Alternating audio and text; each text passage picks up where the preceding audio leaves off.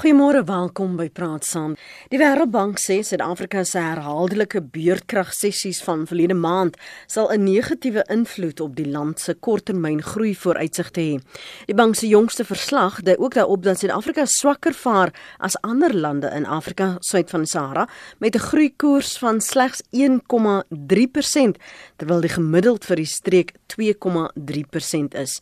Intussen skryf Noah Smit in Bloomberg dat rykdom herverdeling nie ongelykheid verminder nie en om ekonomiese groei in 'n land mee te bring, moet daar gereeld veranderinge wees. So hoe moet herverdeling van rykdom benader word as ons die gaping tussen ryk en arm wil verklein? Uh, Lulu Krugel, direkteur en ekonom by PwC. Goeiemôre Lulu. Goeiemôre Lenet. En ons gesels ook met Dr Telma Lou. Sy's by die volhoubaarheidsafdeling by Unisa. Môre Dr Lou, welkom weer. Môre Lenet, baie dankie. Lulu, as ons net so oorwegend kyk na wat in die wêreld aangebeur is, as daar 'n skaal van ongelykheid bestaan, waar lê Suid-Afrika? Lenet, um, as ons gaan kyk na die Gini koëffisiënt wat of uh, wat baie keer gebruik word, um, as 'n aanduiding van die vlakke van ongelykheid is Suid-Afrika volgens inligting van 'n paar verskillende plekke Oxfam ons eie berekenings en so aan die mees ongelyke land in die wêreld waar die gaping tussen ryk en arm uh, die grootste is. So ehm um, maak nie saak hoe mense dit ook al meet nie, daar's daar's ander maniere ook. Ehm uh, seker van die ander seuns is miskien nie heel bo nie, maar ons is een van die mees ongelyke lande. Maar definitief volgens die Gini koëffisiënt is ons die mees ongelyke land in die wêreld. So dit is werklik 'n baie groot probleem vir ons. Uh, uh, erger as Venezuela, as Iran, as uh Mexico? Ja, Lenet. Ehm um, en en wat ons hierna kyk is is hoe groot die gaping tussen ryk en arm is. In baie van hierdie lande ehm um, het ons baie hoë vlakke van armoede. As mense byvoorbeeld kyk uh, na 'n land soos Venezuela, ja, daar is ook nog steeds ryk mense en in Venezuela gaan dit baie keer gepaard ook met uh, op hierdie stadium met uh, met uh, politieke ongelykheid, korrupsie en so aan. Ehm um, maar daar daar's groot hoeveelhede arme mense in hierdie lande net soos die geval in Suid-Afrika, maar die die gaping tussen ryk en arm mm. is is nie so groot as wat dit hier by ons is nie. Hier by ons is die gaping tussen ryk en arm uh werklik van die hoogste. Ehm uh, maak nou nie saak wie se wie se vergelykings jy gebruik nie of volgens sekere ander ehm um, aanduidings die mees onlangste ehm um, ongelykheidsverslag wat deur die ehm um, die Suid-Afrikaanse ehm um, Menseregte Kommissie ook opgestel het sê ook dat Suid-Afrika die mees ongelyke land in die wêreld is. Ons moet ons moet twee dinge in gedagte hou. Aan die een kant is daar armoede mm. en daar is lande wat baie armer is as Suid-Afrika. Dit is waar. Maar aan die ander kant is daar ongelykheid, die gaping tussen ryk en arm en dis waarvan ons spesifiek in hierdie geval praat. Was dit nog altyd so? Um, ons kyk daarom terug na wat 20 plus jaar van demokrasie wat die belofte van gelykheid op die tafel geplaas het.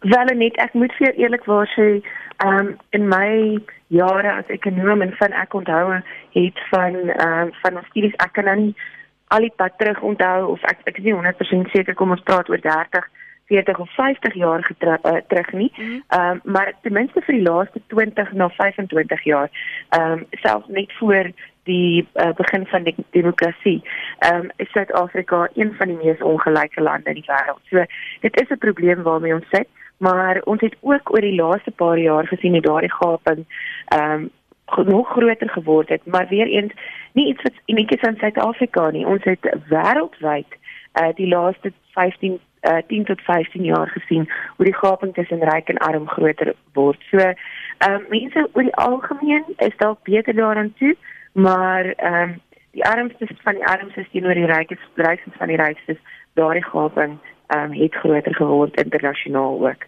Dr. Samalo, hoe sien jy dan daardie ongelykheid en hy wanbalans reflekteer en presenteer in 'n samelewing in 'n gemeenskap soos Suid-Afrika dan?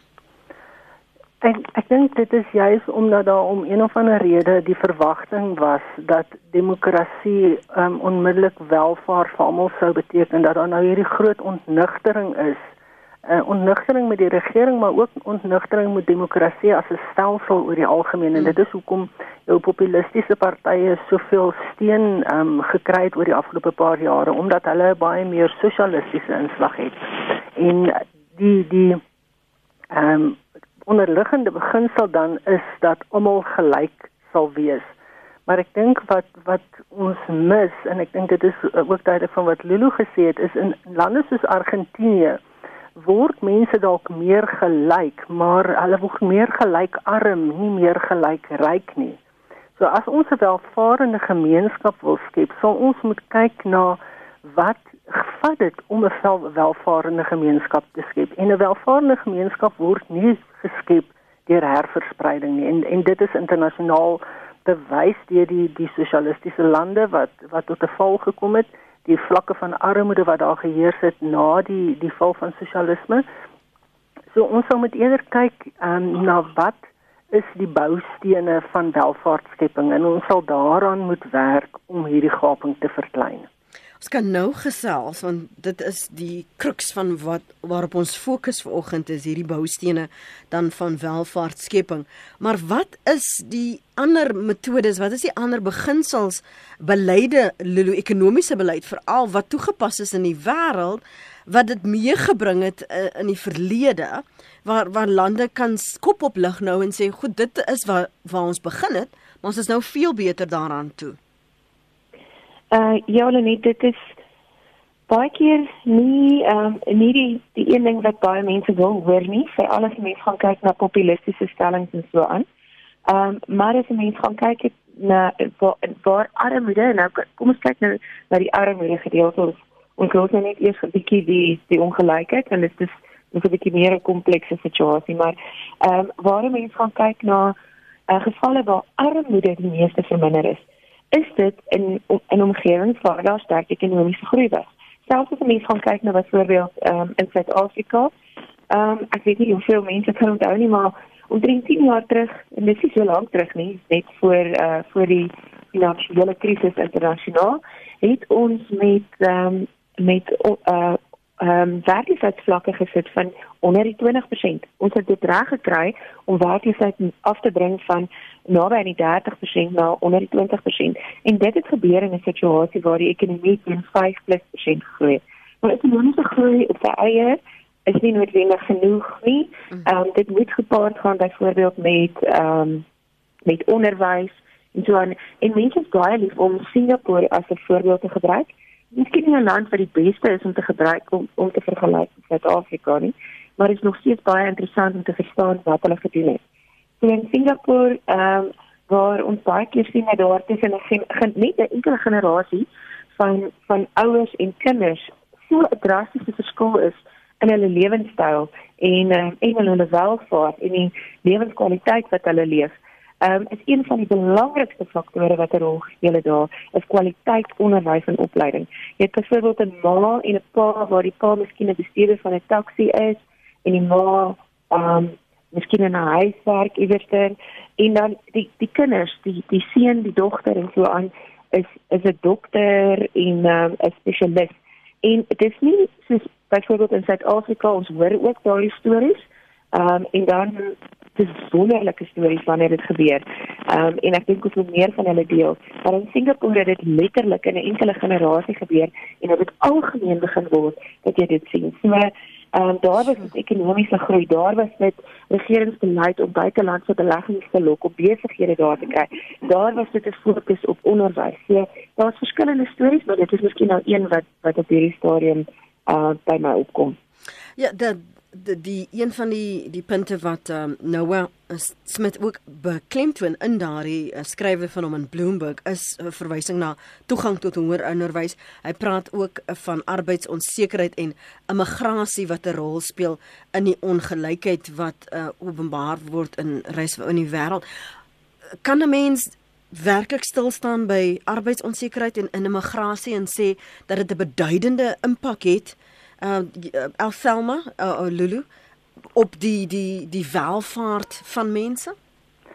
Ja, ek ek dink beslis so want as jy as jy kyk na welvaartskepping, welvaartskepping is iets wat wat oor tyd gebeur. Dit gebeur baie keer ehm um, oor verskillende geslagte ook. Een geslag kan begin met die proses, maar dan noodwendig dan word dit voorgesit in 'n in 'n volgende ehm um, geslag. So ehm um, onderwys en opleiding daar speel ehm um, 'n baie belangrike rol en vaardighede. En ek dink een van die foute wat ons gemaak het in Suid-Afrika was om te sê dat 'n universiteitsopleiding gaan onmiddellik vir jou welvaart verseker. So ons het ook ehm um, as jy kyk na die werkloosheidssyfer in Suid-Afrika, het ons 'n groot groep van gegradueerde uh werklooses. En uh, mense wat wat wat 'n graad het en nie werk kan kry nie. En daar het ons in dieselfde kant het ons dan 'n groot tekort aan mense met tegniese vaardighede. Omdat mense weer um, begin neersien het op die verkry van tegniese vaardighede en tegniese kwalifikasies um, tot voordeel van uh, van universiteits um, kwalifikasies. So ons moet ook kyk na die samestelling van vaardighede wat 'n land benodig. In 'n land soos Suid-Afrika wat nog 'n ontwikkelende land is, is jou tegniese vaardighede baie belangriker as in 'n reeds ontwikkelde land. Mm. Um, waar jy jou jy weet jou jou Maslow se hiërargie van behoeftes kan ook maar kyk dit geld maar ook in 'n in 'n groot mate vir vir vaardighede wat benodig word in in lande ook. Nou as een land, ek meen in 'n een generasie dit kan regkry. Wat maak dit dan so moeilik dat ander lande nie dit kan dupliseer nie, Lulu? Uh, soos ek het gesê, Singapore is is is uniek in die in die sin dat dit ehm um, dit is 'n baie kleiner land geografies byvoorbeeld as Suid-Afrika. Ehm um, dit hulle het byvoorbeeld nie as jy nou dink aan iets soos openbare vervoer, sou dit nie naaste my so ingewikkeld en so duur vir hulle gewees het om byvoorbeeld 'n openbare vervoerstelsel in plek te kry soos by soos in die geval van Suid-Afrika nie. So mens moet darm sekere van die van die faktore waarmee jy bedeeld is ook verstaan. Singapore ook 'n land wat ehm um, wat maklik en uh binne die bereik is van ander markte waarin hulle hulle produkte uitgevoer het. En, en dan ook het die regering die die regte beleid en besluite gemaak. En baie keer ehm um, is van daardie beleid nie noodwendig uh die gewilde besluite en die gewilde beleid nie en ek dink dis waar mense baie keer in 'n land soos Suid-Afrika of in die res van die wêreld maar reeds genoem waar ons 'n toename gesien het aan hierdie ehm um, in populisme internasionaal dis nie net in Suid-Afrika wat ons dit gesien het nie mhm. ehm um, maar waar mense ehm um, ons ligte begin raak het en waar hulle gesê het maar ons praat van globalisering ons praat van groei uh, maar ons sien nie die impak op ons nie waar mense regerings het wat baie keer besluite neem nie noodwendig ter wille van wat die beste en die beste belang van die land is nie, maar um, om kiesers te behou. En uh, en daar baie keer gaan dinge verkeerd of waar die beleidsbesluite uitgevoer moet word en waar jy ehm um, mense het wat in verskillende rigtings trek en verskillende ideologieë het en verskillende belange het en verskillende goed probeer regkry.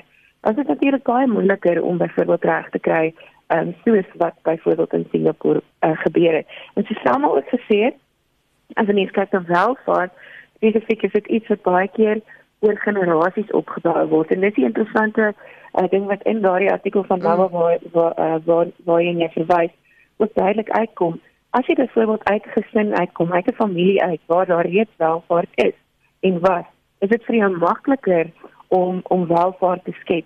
En um, en baie keer dit dit is nie net te sê dat dit moet jou pa se geld of iemand wees nie, maar dit gaan ook baie keer oor die netwerke wat jy het, oor die mense met wie jy in aanraking kom en die posisies waarin hulle is. As jy byvoorbeeld um, in 'n sosiale struktuur is waar ehm um, jou ouers mense ken wat in belangrike posisies is of jy vriende het, dan is dit vir jou makliker um, om byvoorbeeld uh, in 'n situasie te kom mm. waar jy na jouself kan kyk. So as jy byvoorbeeld 'n besigheid sou wil begin, dan ken jy die mense met die geld wat daarin kan belê of as jy dan nou wil ryk trou, dan ken jy die mense wat al hierdie uh vennootskappe uh in um uh, uh bekendstellings kan maak want dis in jou vriendekring. So dis makliker as wat jy optrou as wat jy gaan aftrou. Nee, net kan ek ook um, net iets daarby voeg asseblief. Asseblief dan maar. Ek ek dink en wat ons ook nou net moet kyk, die baie belangrike beginsel hier is dat die regering skep 'n raamwerk vir welvaartskepping. En met ander woorde vir ekonomiese groei. Maar dan die regering kan nie hierdie ding op sy eie doen nie. dan moet jy ook kyk na die ingesteldheid van die van die mense van die land. Ek dink dit is waar die Singapore voorbeeld ook um, baie belangrik is. Net dat mense het het basies die eerste geslag veral het hulle hulle eie lewens omtrent opgeoffer om die ekonomie aan die gang en aan die groei te kry. As jy dan ook kyk na die ehm um, die statistieke van daai tydperk, daar was ook geweldige hoë selfmoordsyfers omdat die mense in baie gevalle nie die druk kon hanteer het nie, maar hulle het vasgebyt daarmee omdat hulle gevoel het dat hierdie ons moet ons land opbou. Ek is hier, my geslag is bereid om hard te werk om hierdie grondslag te lê vir volgende geslagte wat dan daarop kan voortbou. So te, terwyl jy 'n uh, bevolking het wat wat eerder vra as gee, dan gaan dit baie moeilik gaan om om hierdie siklus om te keer. Hmm. Kom ons gaan gou vinnig na die lyne toe. Dankie dat jy vir ons aanhou. Frans Frans luister. Uh ek is Frans van Pretoria.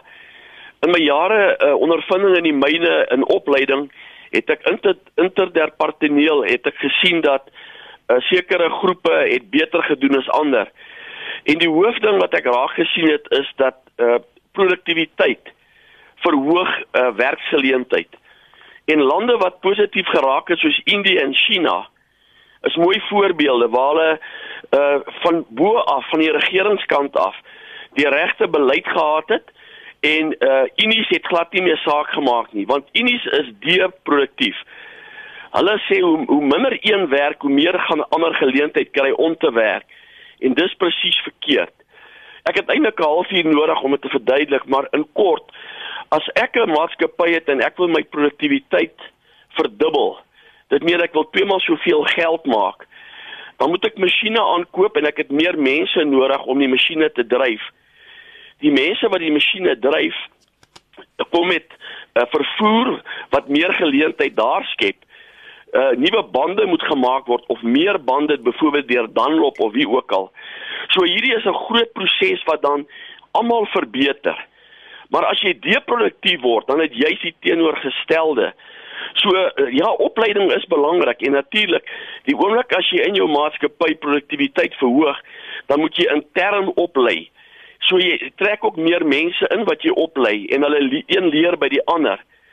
So die hoofsteen vir my vir welvaart is produktiwiteit. En ons land, as mens van kyk uh, hoe dit vergelyk met ander wêreldlande, is van die laagste op produktiwiteit. So dis waar ons vasgevang word. Uh dit is ons hoofprobleem. Goed. Dankie François. Lulu, hy verwys na Indië en en China. Uh baie sal argumenteer dis 'n geval van vat wat jy kry. Dis nie asof jy um kan beding vir 'n beter salaris nie, want iemand anders is daar gemaklik genoeg om jou plek vol te staan as jy wil 'n uh, kibbel. Ja, uh, net in Indië en in China, twee samelewings wat wat uh, bitter uh, mededingend is vir alles wat mense gaan kyk na Indië die vlakke van opleiding van mense daar ehm um, jy weet om net suksesvol te wees en bo uit te kom beteken mense moet geweldig hard werk en uh, ek ek dink dit is uh, produktiwiteit om dis dis natuurlik ou met met met versigtig daarna kyk ehm um, ons wil nie noodwendig 'n samelewing hê soos in China nie Ehm um, en ons wil nie noodwendig hê mense moet werk in omstandighede uh, soos in China nie. Maar ek hoor uh, heeltemal wat die luisteraar gesê het, Suid-Afrika het 'n probleem met produktiwiteit. Ons uh, produktiwiteit of ons produktiwiteitsvlakke is laer as ander lande. Daar's verskeie redes daarvoor. Ehm uh, in sommige gevalle het dit te doen met die opleiding van mense, maar dis dis 100% reg. Ehm um, as jy meer produktief is, jy kan meer produkte vervaardiger of vervaardig vinniger as iemand anders en dis waar Indië en en China byvoorbeeld is, beteken dit ehm um, jy gaan dit goedkoper aan die wêreld kan verskaf, jy gaan meer produkte kan uitvoer, ehm um, en uiteindelik is dit meer geld vir die land inkom, so dit is definitief 'n positiewe siklus. En ehm um, ons arbeids uh, in Suid-Afrika word dikwels gesien as 'n probleem in terme van hoekom ons besighede nie meer produktief kan wees nie. So dit is 'n bietjie van 'n komplekse situasie. Ehm um, en soos ek sê ons wil nie net enige tipe samelewing hê hmm. ehm um, soos ek in China het in die omstandighede waar onder mense werk nie, maar daar is definitief baie wat ons kan doen in Suid-Afrika om ons eie produktiwiteit ehm um, uh, of ons eie produktiwiteitsvlakke in ons besighede aan te spreek. Want is dit nie juis in China en in Indië waar daar hierdie hmm. fabrieke is wat jy sommer deur die nag werk en kinderarbeid ja. het wat wat net gefokus is om produksie te lewer of jy nou hoe oud is of jy nou 'n kind is of jy nou kos het môre of slaap kry die die die klere moet klaar 100% reg net um, die menseregte skendings wat plaasvind in hierdie lande is geweldig en ons sien ook dat die dat die wêreld so stelselmatig begin optree maar maak geen fout nie daar's groot maatskappye internasionaal wat nog steeds hulle produkte daar vervaardig onder daardie omstandighede hoewel daar op hulle al hoe meer druk is om te sê maar Ehm um, jy weet jy kry nou hierdie produkte van China of van India af uh, wat in hierdie omstandighede gemaak is en dan verkoop jy dit in die res van die wêreld teen hierdie pryse. So daar is 'n bietjie van 'n of meer van 'n fokus daarop, maar ongelukkig is dit iets wat nog steeds gebeur. Paul, wat is die punt wat jy wil maak môre? Goeiemôre, uh, goeiemôre lede en gaste. Ek wil net uh, verder uitbrei op die uh, die Singapore voorbeeld wat uh, nou weer 'n paar keer vanoggend verwys is.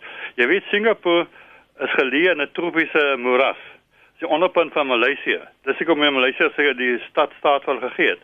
Dit is 'n geweldige klein land maar derde van Johannesburg se grootte. Maar 'n paar jaar terug eh, is daar geskryf dat daai klein landjie meer direkte buitelandse belegging ontvang as hele Afrika saam. Die hoe dit daar in die gevolg vandag is dat een uit elke 6 huise, een uit elke 6 huise het 'n uh, Engelse disposable aankomste van 'n miljoen dollar. Ons geld oor 14 miljoen rand wat uh, mense kan gebruik en spandeer sou wil. Hoe hulle reg gekry? Hulle het reg gekry om hulle baie lae belastingkoers het. Hulle is geweldig besigheidsvriendelik. Hulle uh, arbeidswetgewing is baie so Engels sê very relaxed.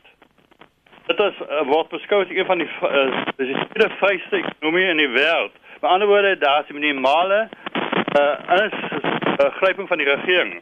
En uh, Dit word beskou as een van die minst korrupte lande ter wêreld. Dit is die rede hoekom hulle so geweldig aangaan. Wat is die feit uh, die teenoorgestel by ons? Ons het 'n regering wat nou alles inmeng. Dis 'n sosialistiese regering. Tot so 'n mate dat een van hierdie uh eh, toegenaam uh, mense wat kommuniste party wat saam met dit is uh, uh, gesê het dat uh, ons was so skiba ons moet kies by skiba se lei voor En as ons dan teruggaan na die os en die ploeg, om ons om die ploeg, dan ons nie moet beskou as 'n terugslag nie, dan ons beskou as 'n bevordering vir sosialisme.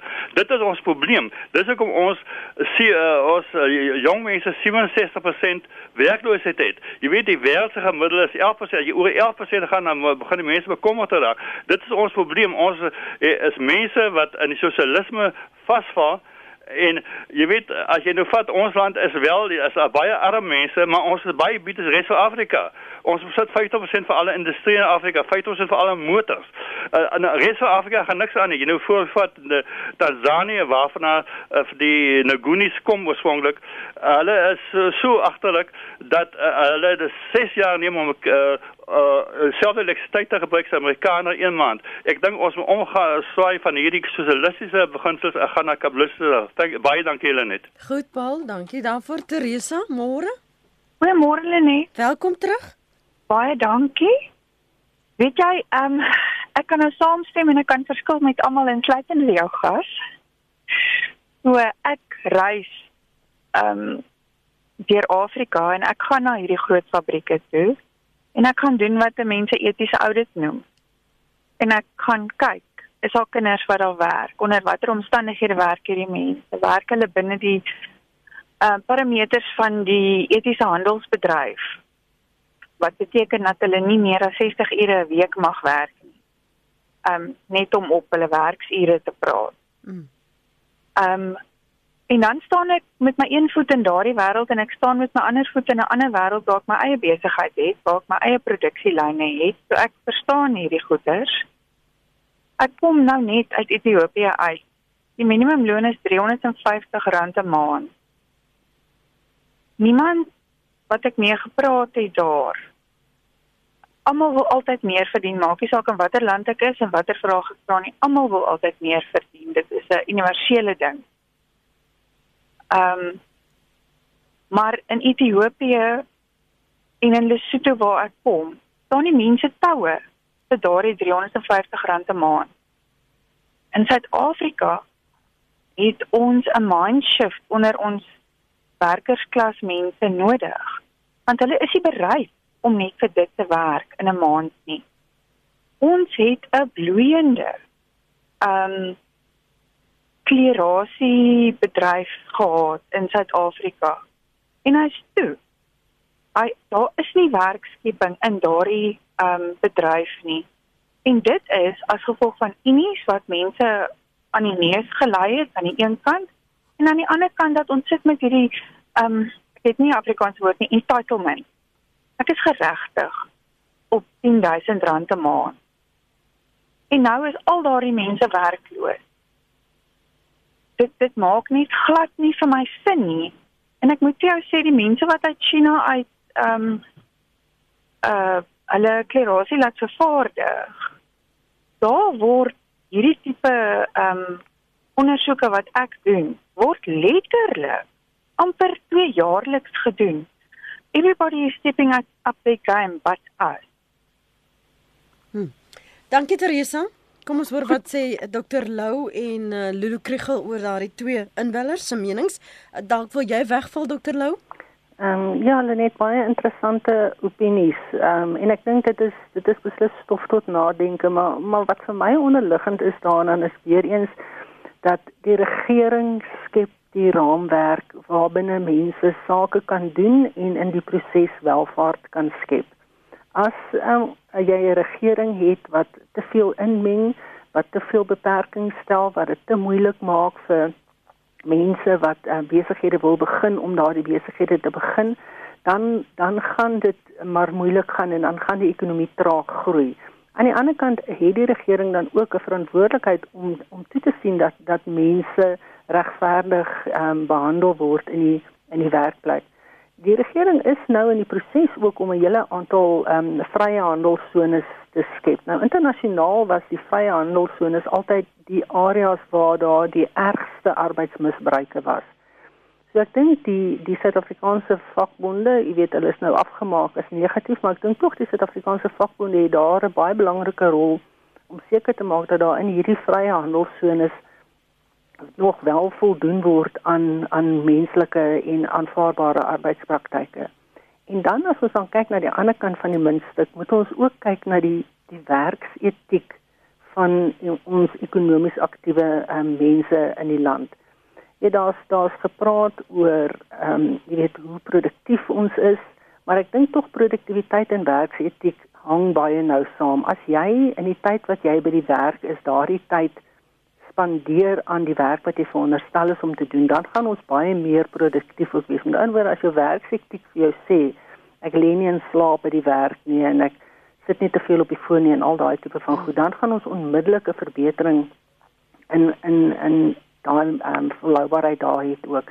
So ek dink ons moet na, na hierdie ding, hierdie is nie enkelvoudige ding nie, ons moet hom van naam kyk van van alle kante en dit is weer eens almal moet bereid wees om iets te doen in belang van die land. As almal net terug staan en aan bakkant staan en sê gee vir my, dan op die einde gaan daar niemand weet wat kan gee nie en dan gaan ons almal ewe arm wees, nie almal ewe ryk nie. Jy het net toe gepraat van ingesteldheid van die mense van die land. Sluit dit vir jou aan by Teresa se verwysing oor oor 'n kop skuif wat gemaak moet word dat ons hierdie kleed van ek is geregtig op moet afskud? Ek dink dit is baie belangrik. Jy weet en ek weet nie in watter mate dit saamhang met jou generasieteorie dat jy die millennials het wat mm, nie bereid is mm, mm. om hulle self op te werk nie. Jy weet hulle studeer klaar en hulle wil onmiddellike bestuurder wees in 'n BMW ry en 'n dit en 'n dat en al die al die uiterlike simbole van van welvaart hulle lê. Terwyl die vorige geslagte het besef jy begin onder en jy werk jou op en en almal gaan nie ewe hoog opgaan nie want ons almal het nie dieselfde vermoëns om om ewe hoog op te gaan nie. So ek weet mense moet kyk na ons land is in 'n baie unieke situasie ten opsigte van 'n groot groep as jy kyk na ons bevolkingssamestelling, 'n baie jong bevolking eintlik wat dieselfde eise en vereistes het wat die wat die millennials het. En aan die ander kant, hoe hoe oorkom ons daai verwagtinge wat met die millennials saamhang? Om 'n ekonomie te bou wat wat werk vir sy burgers. Ek weet nie of julle die nuusberig gehoor het in die nuusbulletin het hulle gepraat van een baie ryk Fransman wat nou 'n 100 miljoen euro uh, alreeds beskikbaar gestel het vir die herbou van die uh, dak van die Notre Dame. Ek weet nie of julle dit geraak gehoor het nie en dit het my onmiddellik laat dink wat jy gesê het Thelma dat die ingesteldheid van ehm um, die inwoners moet verander dat 'n mens nie net moet vat vat vat nie dat jy ook moet gee en op daai vlak wil ek jou vra Lulu Paul het verwys na belastingkoers en dit is wat Singapore gehelp het om op hierdie vlak van uh, gelykheid te kom. Is dit maak dit sin om hoër belastings bereik mense te plaas? Dit het dan baie af van ehm um, hoe die ekonomiese struktuur in jou land lyk. En dit is nou interessant die voorbeeld van Frankryk. Want Frankryk is een van die lande wat sogenaamde welvaartsbelasting ingestel het op mm, hulle mm. uh, ryker mense. Maar as jy mens gaan kyk na uh, Frankryk as 'n samelewing, en dan sit hulle met werkloosheidskoerse hier rondom 4 en 5% um, meeste mense het werk. Uh daar is minder ongelykheid en so aan. En in so 'n samelewing, ek sê altyd dit dit klink nou snaaks as mense sê maar dit is makliker om ehm um, om in 'n sosialistiese land te wees as almal belasting betaal en is almal almal bydra want ehm um, dan dan is almal uiteindelik uh, op 'n gelyke voet. Ja. Ehm um, as jy mens byvoorbeeld gaan kyk na van die lande soos Noorwe en Swede en so aan, wat van die hoogste belastingkoerse in die wêreld het. Maar as jy mens gaan kyk na persoonlike belasting, maar as jy dan gaan kyk wat mense terugkry in terme van die dienste wat gelewer word, ehm um, gesondheid, ehm um, en en onderwys en alles dan dan besef mense dat die effektiewe belastingkoers miskien ehm um, nie so hoog is as wat mense dink nie.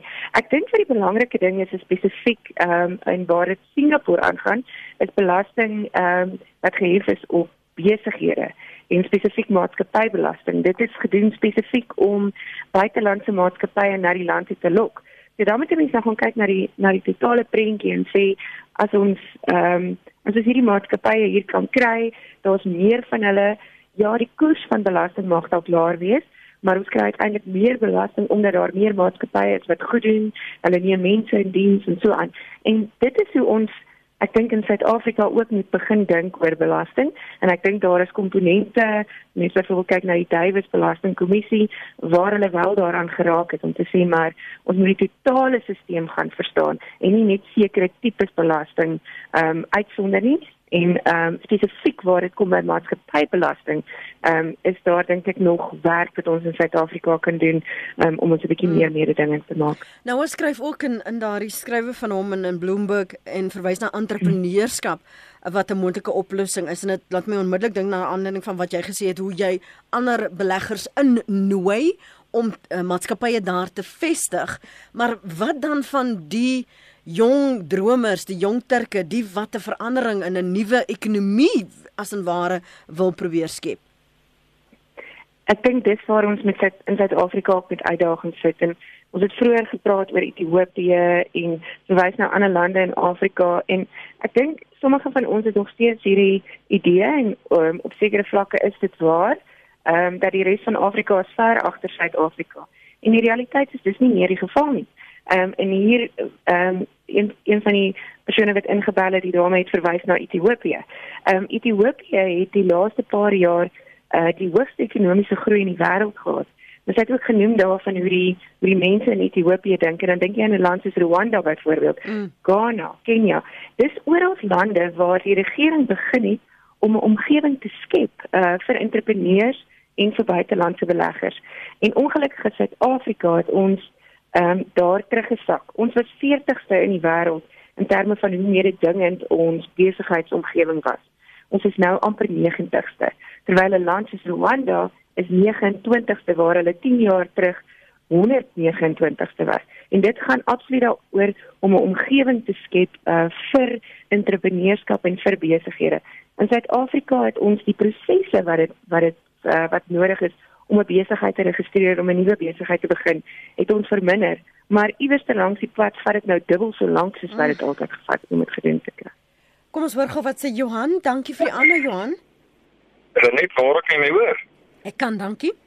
Ja, ja, nee, net het vir ek een van die gaste het gepraat van ehm um, uh selfs in sekere lande soos Indië waar die ehm um, uh sê net maar uh, groot maatskappye nou uh ek glo presies die kwessie van kinderarbeid misbruik et cetera sit aanvaar, ek nee.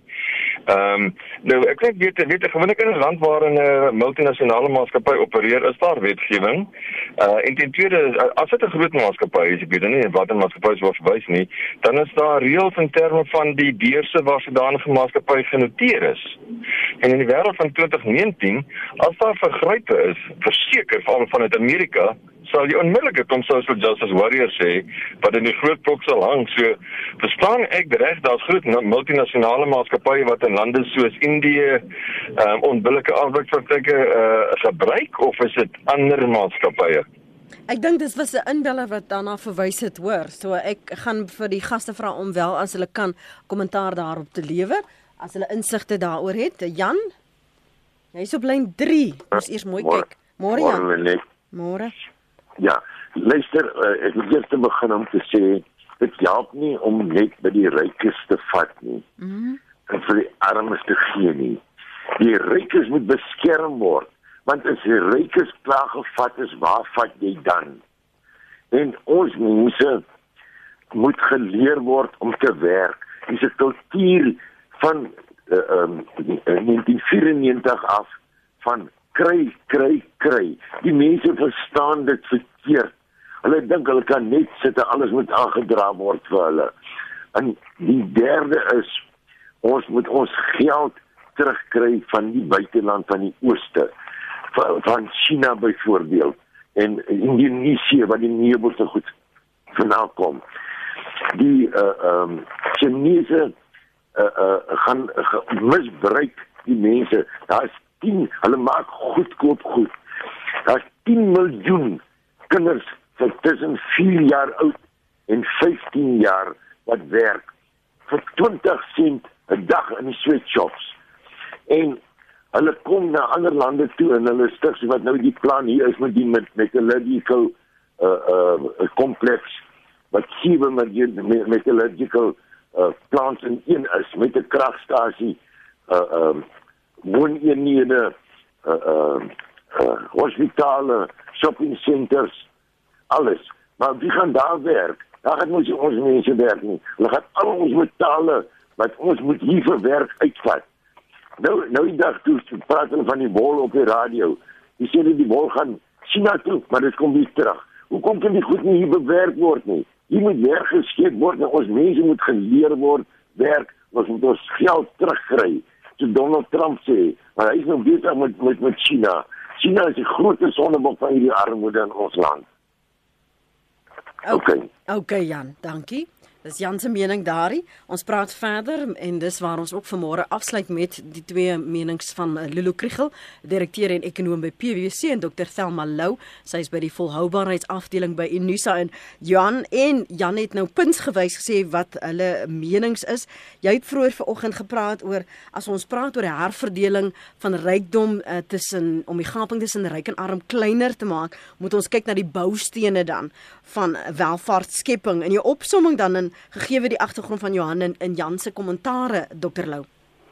Ja, Lenet, ek dink ons moet kyk hoe boustene vir vir welvaartskepping is in die eerste plek ondernemingsgees. Mense moet bereid wees om om 'n idee wat hulle het in in werking te stel en dan dan saam die entrepreneurskapsvaardighede ehm um, wat dit vereis en 'n bereidwilligheid om risiko's te neem.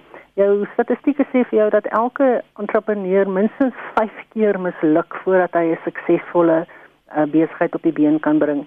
En dan moet ons ook kyk dat die regering vind baat by welvaartskepping deur omdat hy daardeur meer belastings kan invorder. Die regering vind nie baat deur die herverdeling van welvaart nie, want in effek verminder die belasting wat 'n regering kan ins, insamel as as daar blote herverdeling van rykdom um, of welvaart is eerder as wat daar meer welvaart geskep word.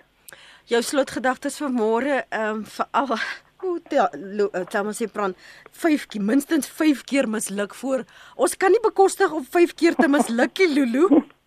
Nee, ons kan nie meer bekostig om een keer te misluk nie, want mm. uh, net ons tyd is ons tyd is verby.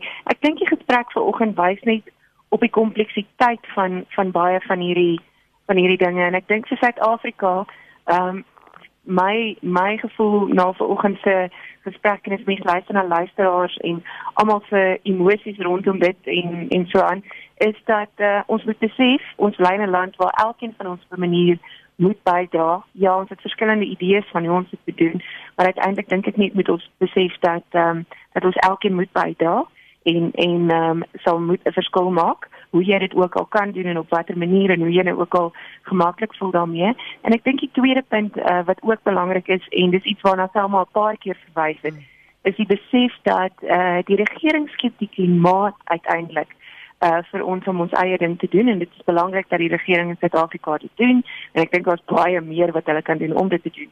Maar uiteindelik is dit elkeen van ons se eie verantwoordelikheid om te sê maar ehm um, jy weet ek moet nou ek moet nou skouer aan die wiel sit en ek moet nou iets probeer doen um, in hierdie omgewing. Baie dankie vir julle insette vir oggend. Lulu Kriegel, direkteur en ekonom by PwC en Dr. Selma Lou, sy's by die volhoubaarheidsafdeling by Unisa. Ons het vanmôre gesels oor hoe die herverdeling van rykdom benader moet word as ons wel die gaping tussen ryk en arm wil verklein. En albei gaste wat gesê het, as jy praat van ongelykheid, is ons die het ons die hoogste vlakke van ongelykheid in die wêreld. As jy weer na daardie gesprek wil luister, gaan na ons webblad www.rsg.co.za en laai die pot gooi daar af.